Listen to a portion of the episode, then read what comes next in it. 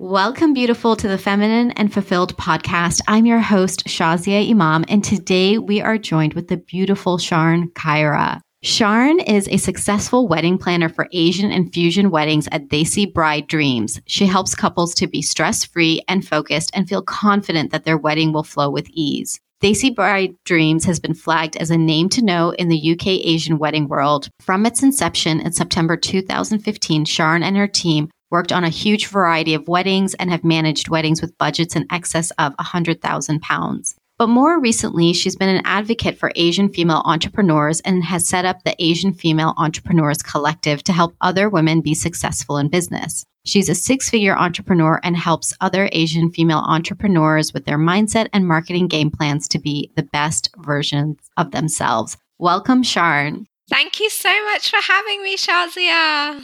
Oh my gosh, I'm so glad that we are doing this episode because, spoiler alert, this is our second time recording. And now I'm even thinking, is it our third time recording? Because I feel like I even said this before that it's our second time. I'm like, oh my gosh. But it's like divine timing that we are meeting today. And I know that what is going to come out of today's episode that will go into production with no tech issues is going to be exactly what our audience needs to hear. So I'm so excited to have you today. Oh, thank you so much for having me. I know it, it, does feel like completely feel like divine timing. So I'm just really excited to be here. Yes. Okay. So, first question I know that, you know, just reading your bio, I'd love to hear about the glamour and glitz about wedding planning. And there's something that we think about, you know, when we see like a really lavish wedding and to be behind the scenes and creating that. I'd love for you to take us behind the scenes and what life was like when you were doing that.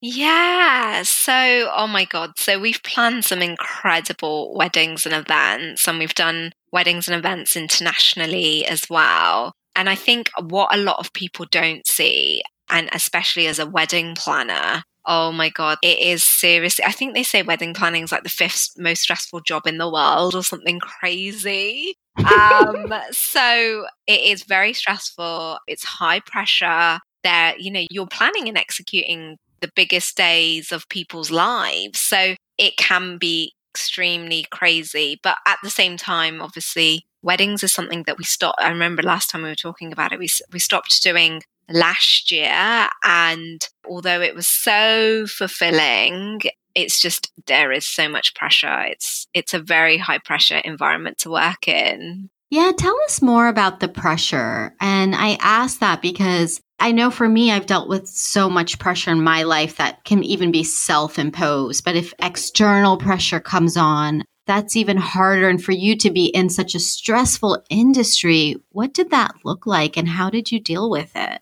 Yeah, I think when you're dealing with, you know, some of the clients that we had were such big weddings, like 100K plus weddings, you know, that's a lot of money. So I think that in terms of, you know, the the demands that came with that and the responsibilities was quite quite significant. And I think the way that I dealt with the pressure, I suppose, leading up to the wedding was just having really great boundaries with my clients. Because when you're working with clients especially when you're wedding planning and it's like when you're coaching someone or you know you become an integral part of someone's life or when they're on a specific journey boundaries can sometimes be really unclear. So when I first started wedding planning, I would get on the phone to my brides at like 10 o'clock at night and they'd have like constant WhatsApp access to me and constant DM access and constant phone calls and I just didn't really have any boundaries. It was like, oh, I'm just new. Like, I just want to please the clients. Like, I just want to get good testimonials and build my portfolio.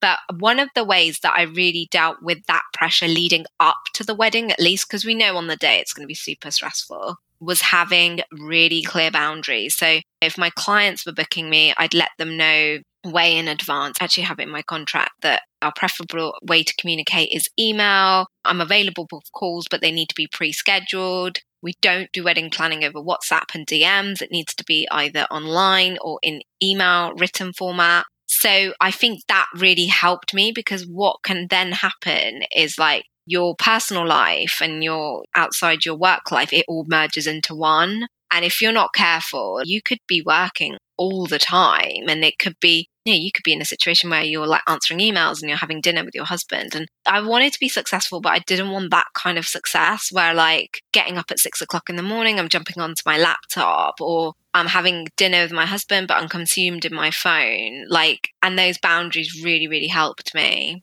Yeah, I'm actually thinking of one of my clients, and I know she loves listening to this podcast, and I can already hear her shaking her head, like in agreement with what you just described, because this is something, especially when you are a business owner or an entrepreneur, it can be so easy to let the boundaries bleed. And like you said, you want to make them happy and you you want to do a good job and you want that good testimonial, but at what expense? Yeah, absolutely. And I remember Shazia when I first started, I would literally be on the phone to brides. I remember this company hired me for not that much money. I just started out. It was 5 years ago. And oh my god, I did so much work and the contact was lit ringing me on weekends. She'd be ringing me late into the evening. I'd be on the phone and I think my husband just said, You're going to say no to her. Like, you are going to say you're busy. You can't take this call. So it have to be tomorrow. And I remember saying, Oh, no, I can't do that. Like,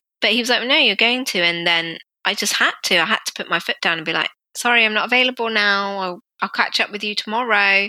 Yeah. So I really just had to say no because otherwise, I think if you just don't say no and you don't have those clear boundaries, it's seriously a road to burnout because we could be there for our clients like 24 7. And I think when you respect your own boundaries and you're like firm with your clients, but in like a kind, compassionate way, they then respect your boundaries and then they don't breach the boundaries. And it's so much of a better way, I think, in terms of working because otherwise, yeah, like I said, you will just get burned out and then your mental health will also suffer. Absolutely. So that's such a great example you're giving where you're sharing like you're with this client and she's just really abusing yeah. the, you know, the relationship and your husband sees it. Your husband is saying like, "Okay, Sharn, like so you did say no to her, but what is can you just take us to that moment where you're like, that part of you that would have been afraid, you know, the people pleaser, the oh my mm. gosh, how do I do this, to actually saying it, what gave you the courage to really make that switch? Yeah, so I think it was because it was like November, December time. It was because we were planning like a corporate Christmas party. I think it was really I was just wasn't enjoy like it was the lead up to Christmas, right? And I was like literally not enjoying it. I remember like Christmas, I feel like is such a magical time. And it was just, I was like, oh my God, like I can't even enjoy my Christmas lead up time because I'm just so consumed. I was literally working on that project like all day. And I just thought, you just have these moments, right? When you're just like, this is, I need, because otherwise I think I still had like 10 days left. And I was like, I can't continue like this for the next 10 days. So I was like, I need to say something now because otherwise what will happen is this will continue for next 10 days, two weeks and I'm just going to be really miserable. And I was like, I don't want to do that. So I literally just sent a WhatsApp and was like, I'm not available right now because it obviously it was like eight o'clock at night. I said like I've got a commitment or something, and I said um, I'll be available tomorrow so we can chat, and that was mm. it. mm, so easy. It is. I think it's about deciding what you want. Mm-hmm. It's in that moment you just think, if I continue, keep doing this, keep doing this, keep doing this, then what are the actual consequences of that? What could actually happen? And I think that sometimes you just got to be courageous because otherwise you will just end up A, resenting the job, and B, then just not doing a good job either because you're burned out. And it just meant you have to have a break from your work. I really do believe that as much as we love our work and we're super passionate about it, but no one can work. Like we're not men, right? That masculine energy mm-hmm. you can't have mm-hmm. 24 7. It's not possible for us women.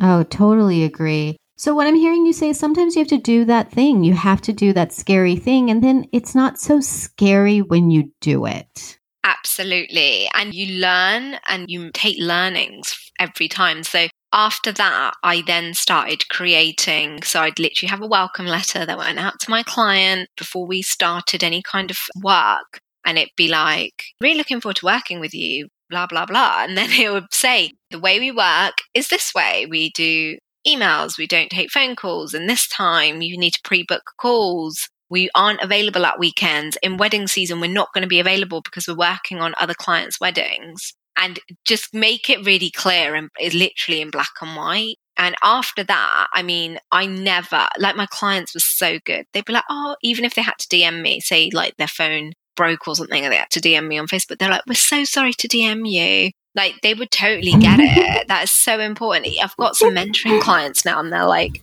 we have Vox and I told them I don't take voxes over the weekend. Like I don't work weekends. I don't work late evenings. And they're always like, I know you won't pick this up till Monday. So they get trained as well. And it just takes the pressure off you because otherwise you're always feeling then, am I enough? Am I doing enough? Am I giving enough? And mm. it hmm. does take that pressure away. And how do you stick to these boundaries that you've set? So sometimes boundaries can be set, but then I might bleed through them. And so how do you really say, okay, I'm taking this time off and I, I won't look at my phone or I won't answer? Yeah, that is such a tricky one, Shazia, because especially at the moment of recording, like here in the UK, we're obviously in the middle of a, a pandemic and we're in lockdown. So what that means is that we're not really allowed to go outside. Um, well, we are, but we can't really mix with people. We can't socialize. So what we're finding is we're indoors a lot. And when you're indoors a lot and there's limited things to do, like there is right now, one of the easiest things to do is just pick up your phone or drown yourself in mm-hmm. technology, Instagram, Facebook. What I've actually done, and I did this before the pandemic, I've actually done one of these things for years. One of the first things I ever did was I took email off my phone because what used to happen was I used to wake up and I just, the first thing I would do would check email. It's like, what, seven o'clock in the morning? So because I don't have that temptation there now, I can't even access my email unless I log into a laptop. So that's been the case for like four years now. I've been working like that. The other thing I do is I actually set limits on my phone. So if you've got an iPhone, you can go into settings. I think it's something called manage apps or something, or screen time, actually, it's called, I think. And you can literally block them. So, quarter past seven, the block will come onto my Instagram. I can't get onto it unless I say my time limit, I'm ignoring it. I find that really helps if you're just blocking yourself because otherwise just picking up your phone it's become normal as breathing now so mm-hmm. you've got to be very careful absolutely okay i just disabled the mail app on my phone so thank you for that i'm taking these actions very seriously and what do you do instead i mean like you said our phone is to me it's like a third hand yeah. at times So, and that's how it was created, right? It was created for us to be very addicted and to keep picking it up. And that's why we keep getting pinged because it's like the same thing at, a casino. You, are getting pinged. So it, it creates that dopamine, want for more yeah. and more. Yes, the dopamine. So, what do you do instead?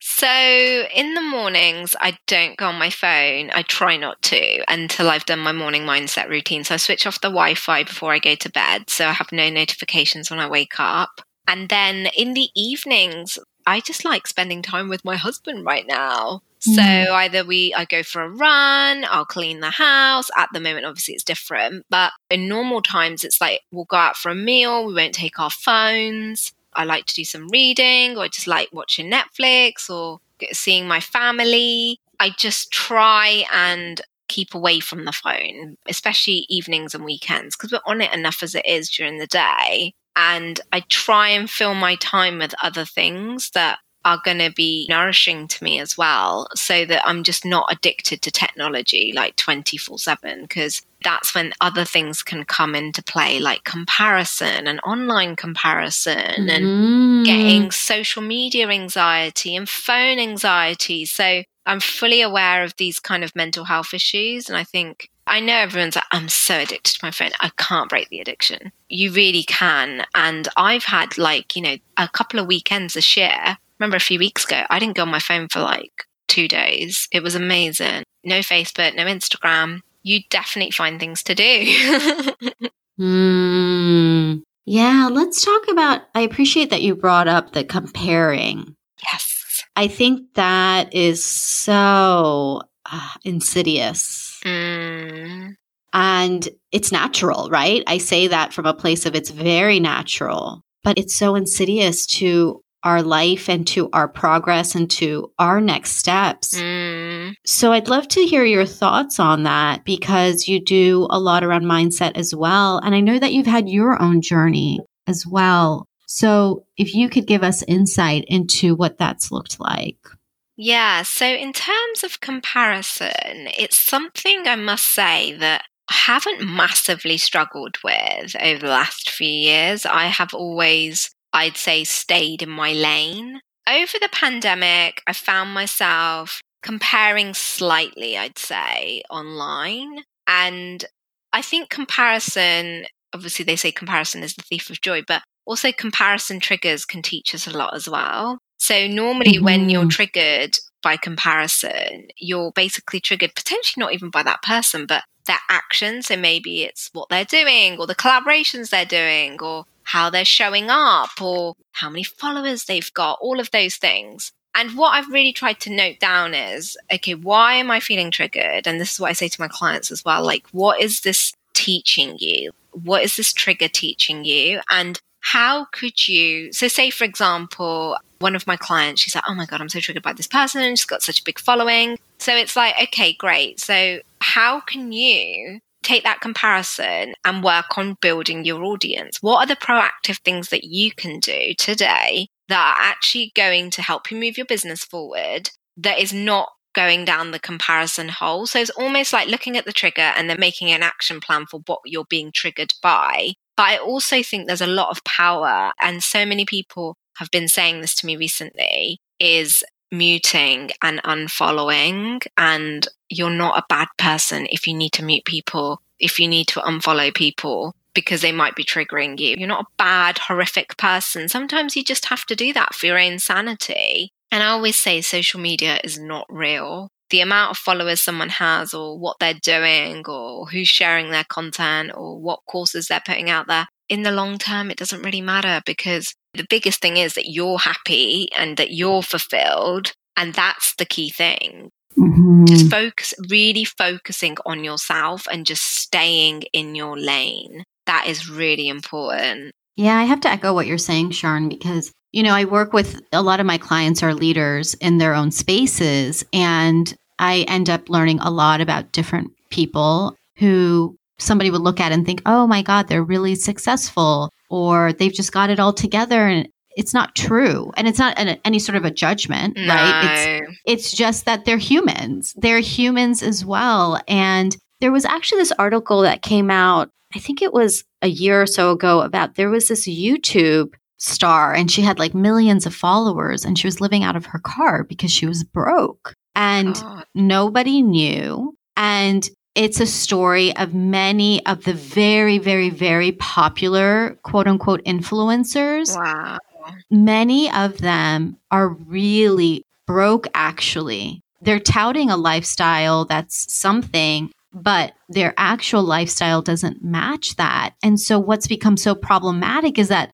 like you said, social media isn't real. Again, speaking about my clients, clients who are very successful, but people have no clue who they are. They're yeah. just, it's small. They focus, like you said, staying in your lane. You know, you've become very successful as well. And it's really interesting how we've started to put this value on numbers and uh. followers and like who's really like showing their face and with all the people and how that actually can mean nothing.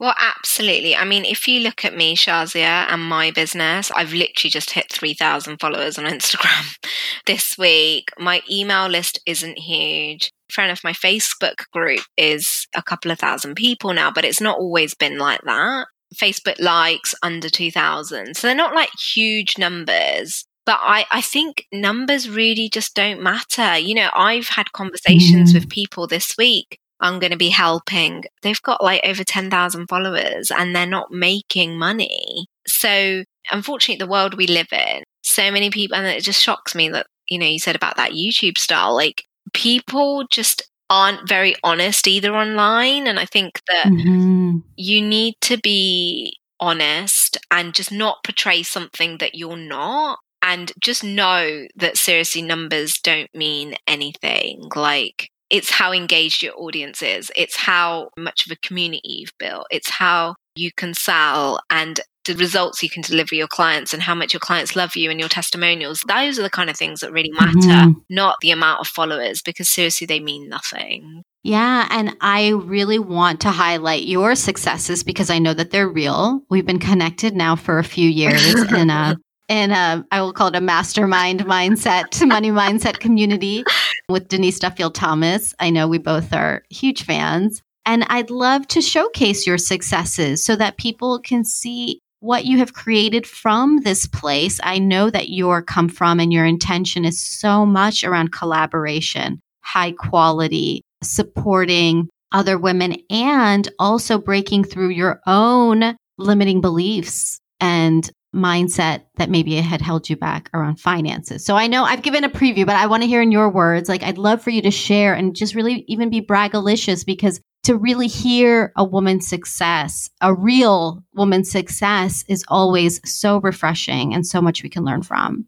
Ah, thank you so much, Shaz. You're so sweet. Um, wow, I've come from really humble beginnings. Obviously, I'm an Asian woman living in the UK, very strict Sikh family. As I was growing up, we didn't really, you know, my parents were manual labor workers. They pretty much worked in factories all their life. I had a brother who had learning difficulties, and my parents couldn't really speak that much English. And we lived in the roughest part of our, like my hometown. So, surrounded by drugs and prostitution was very normal. And we just didn't really have a lot of money when we were growing up. So, I was very, very aware of that. We definitely thank God we moved into like a better area when we were 14. I did go to college and then university. But I really, if we're talking specifically about money mindset, I really carried the money mindset story that my mum always had and that I'd like picked up. So my mum, God bless her,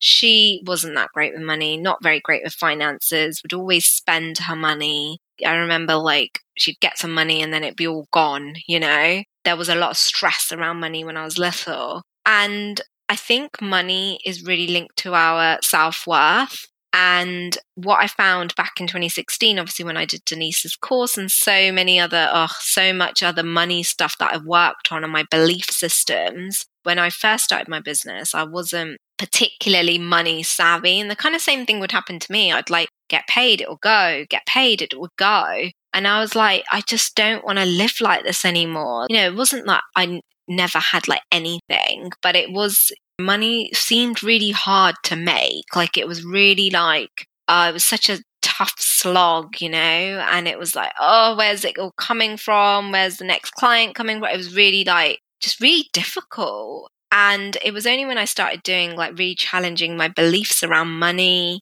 and getting into like abundance work, like, you know, the meditations, the forgiveness, the EFT, then I started to see real shifts. And it was back in 2018 i just made a decision that that year like i know seriously shazi i know we hear about six figure entrepreneur stories like all of the time and it gets chimed around online like it's like two pounds. But it's like I, I never, ever in a million trillion years thought I could break. I mean, I just wanted to earn like £30,000. That's all I wanted. I thought my ceiling would be £40,000 at a push if I was having a great life and to break through six figures like in 2018 and obviously last year and we'll definitely with the grace of god do it this year as well and go on to well we're aiming for multiple six this year i never thought that oh my god hold on i just have to celebrate you like it really makes me excited when women are wealthy like this is something that i don't know why but it makes me so excited when women really succeed and in this way moving through these money blocks and six figures, multiple six figures. Oh my gosh. So just had to celebrate. Okay, please continue. yeah. And you know what, Shazia? We don't see Asian women like, I don't see any Asian women that are super, super wealthy. So no, I just look around and I'm like, oh my God, like the only person that I probably know is someone like you know, Bushra Azhar, like no one else really. So I think it's really to do with your work as well, because it's funny because when I shifted from doing my wedding planning to what I do now, which is primarily mentoring and masterminds and membership, I found this energetic shift So it was almost like when I was more aligned to the work I was doing and there wasn't any resistance to it and I was in flow, it's like the money was flowing as well. So I really saw that. I really saw that it was so much easier getting clients through the okay still it's not like we click our fingers each day and clients appear it doesn't obviously work like that but it was just getting easier and easier and easier and then I think that I really then started taking care of like literally every penny.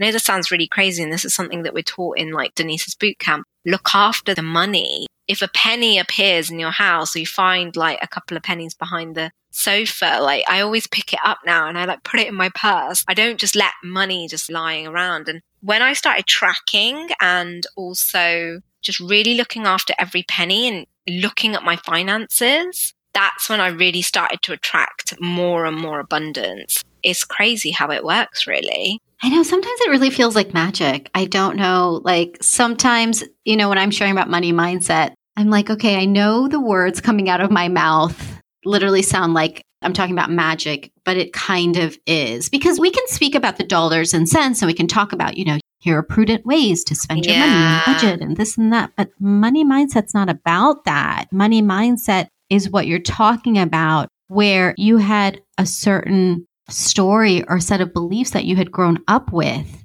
and being able to let that go to really allow this flow of money to come into your life. I mean, that is where the money, that's where abundance is really happening. Yeah, I think it is just about just you got to keep working on those stories and limiting beliefs and replacing them with new stories. So I do an exercise which is release and believe. So I literally write out on the left hand side the story I want to release and the new empowering story I want to believe. And I think also what really helped me, Shazia, is like obviously in like the online coaching world, like we see a lot of emphasis put on like, oh, just invest like in this $20,000 retreat or do this high level mastermind for 50K. And last year, even my coach was like so surprised. Like, I saved so much last year, and I'm so glad I did because that really helped me feel more abundant. Because there's no point having this is another thing.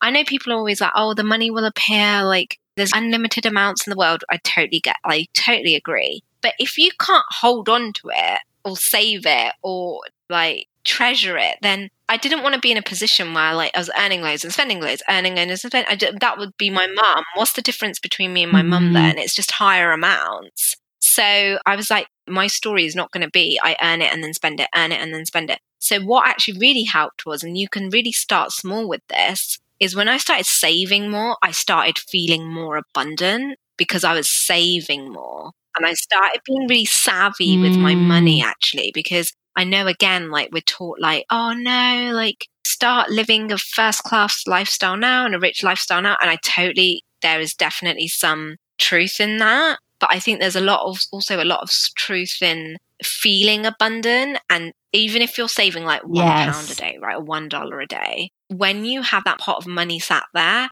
that then you feel more money confident. So I think that I'm really glad that I did that. And when this kind of season hit, the pandemic hit, I wasn't freaking out about money. Whereas I know a lot of people would be because they unfortunately not invested a lot because you just never know what's going to happen. So I would highly recommend obviously tracking your money, but also saving it as well. So it makes you feel more abundant. And then when you feel more abundant, you are attract more in. So it's definitely that cycle I believe in. Yeah. Oh, I couldn't agree with you more. And I just love how in the online marketing industry is so much like invest in this and invest in that. I was just cracking up because I'm like, you could invest until you're blue in the face. And while I'm all about investing, right, I do invest and I make yeah. investments that make sense. Like I, I always have a coach. I am part of a business mastermind, and those things are important to me. I'm also not just going to yeah. get everything under the sun either because that doesn't serve me. And just like you said, the act of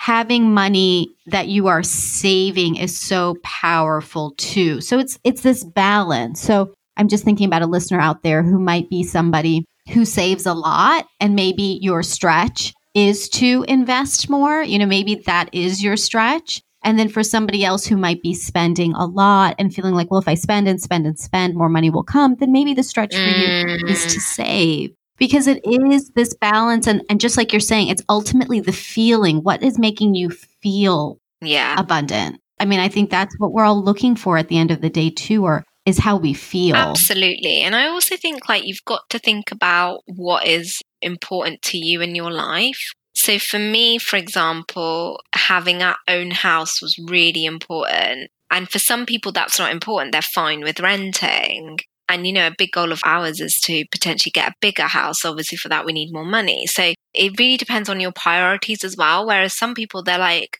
okay, I'm just happy living in a smaller house. But for someone like me, like I feel like, okay, if we move into like a bigger house or something, it'll make that will again make me feel more abundant. So it's like, it really mm. depends on what's really important to you. But I also think it's super, I mean, I just think it's so important to save and to be money confident. And because I think one thing that happened, Shazia, last year, I went to a, a conference here in London about a year ago, and there's some incredible speakers there. And they had a panel discussion on single mums and obviously entrepreneurship. And there were some amazing entrepreneurs on that panel, but what they were saying was like so many stories of, oh, like, you know, I was happily married, we had this huge house. And then overnight, their partners left or they got divorced or something happened and then they were literally left with no money or they like were like really struggling or they had to move in with their parents or it was such a wake up moment for me and I was like not that I was like relying on my husband or anything, but I was like, I need to have my own money. I need to be financially mm. independent. Just, uh, you know, me and my husband are obviously really solid, but just in case something ever happened, I don't want to be made homeless. I know that's very dramatic, but this is what had actually happened to these women. Yeah, they were living in a beautiful life with kids and husband, a big house, and overnight, one lady was like, I went homeless overnight. And it was such a big wake up call for me. And I was like, oh my God, like I need to put more emphasis on saving. So I did. Mm, yeah. And